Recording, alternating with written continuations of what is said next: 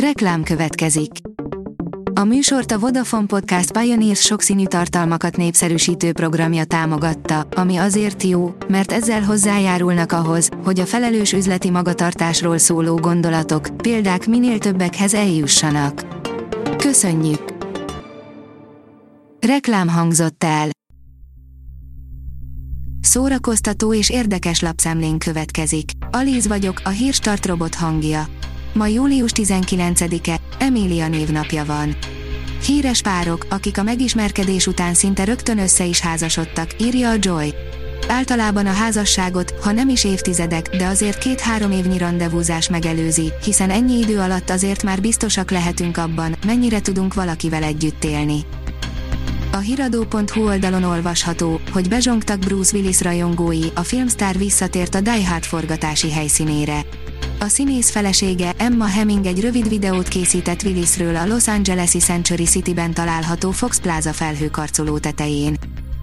A Librarius oldalon olvasható, hogy elhunyt Sárosi Bálint. Sárosi Bálint népzenekutató 1985-86-ban az Innsbrucki Egyetem, 1989-90-ben, majd 1994-ben a Göttingeni Egyetem vendégprofesszora volt.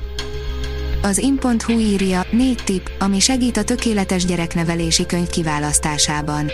A gyermekekhez sajnos nem jár használati útmutató, így érthető, ha a szülők szeretnének egy kis segítséget kapni a gyereknevelés csínyához bínyához. A szülők gyakran elveszettnek érzik magukat, így sokan gyereknevelési könyvekben keresik a megoldást és a válaszokat kérdéseikre. A könyves piacon egy tucat szülőknek íródott könyvvel találkozhatunk. Az északi, nem viking történet, írja a Mafab.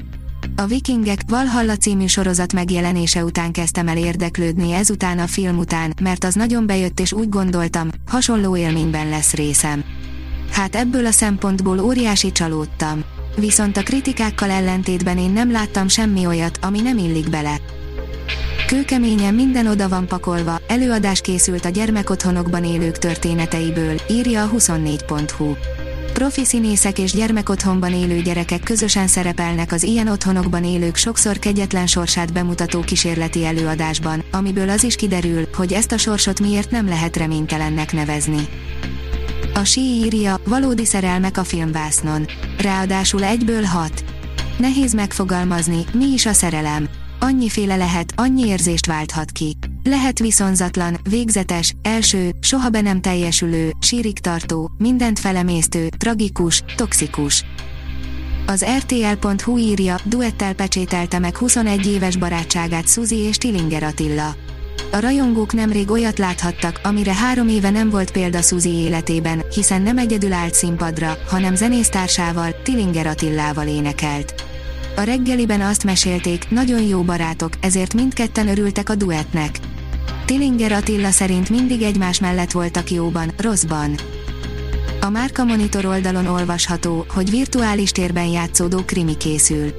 Hét televízió és streaming szolgáltatásra készülő filmgyártásának támogatásáról döntött a Nemzeti Filmintézet, közölte a szervezet az MTI-vel. A Filmintézet 2020. januárja óta nyújt támogatást a televíziós és streaming bemutatásra készülő alkotásokra pályázati úton. Az e-kultúra oldalon olvasható, hogy Philip K. Dick, a tökéletes fegyver. Ha jól látom, ez volt a harmadik PKD regény, mely magyarul megjelent épp három évtizede, akkor még transz címen. A könyves magazin oldalon olvasható, hogy Jane Austen elindítja könyvklubját a TikTok. Virtuális könyvklubot indít a TikTok, a legelső választott könyv a Netflixen pénteken bemutatott meggyőző érvek alapját adó klasszikus lesz. A Hírstart film, zene és szórakozás híreiből szemléztünk. Ha még több hírt szeretne hallani, kérjük, látogassa meg a podcast.hírstart.hu oldalunkat, vagy keressen minket a Spotify csatornánkon. Az elhangzott hírek teljes terjedelemben elérhetőek weboldalunkon is. Ha weboldalunkon hallgat minket, az egyel korábbi adás lejátszása automatikusan elindul. Beállíthatja, hogy az összes korábbi adás, vagy csak az aktuális tematika hírei következzenek. Köszönjük, hogy minket hallgatott!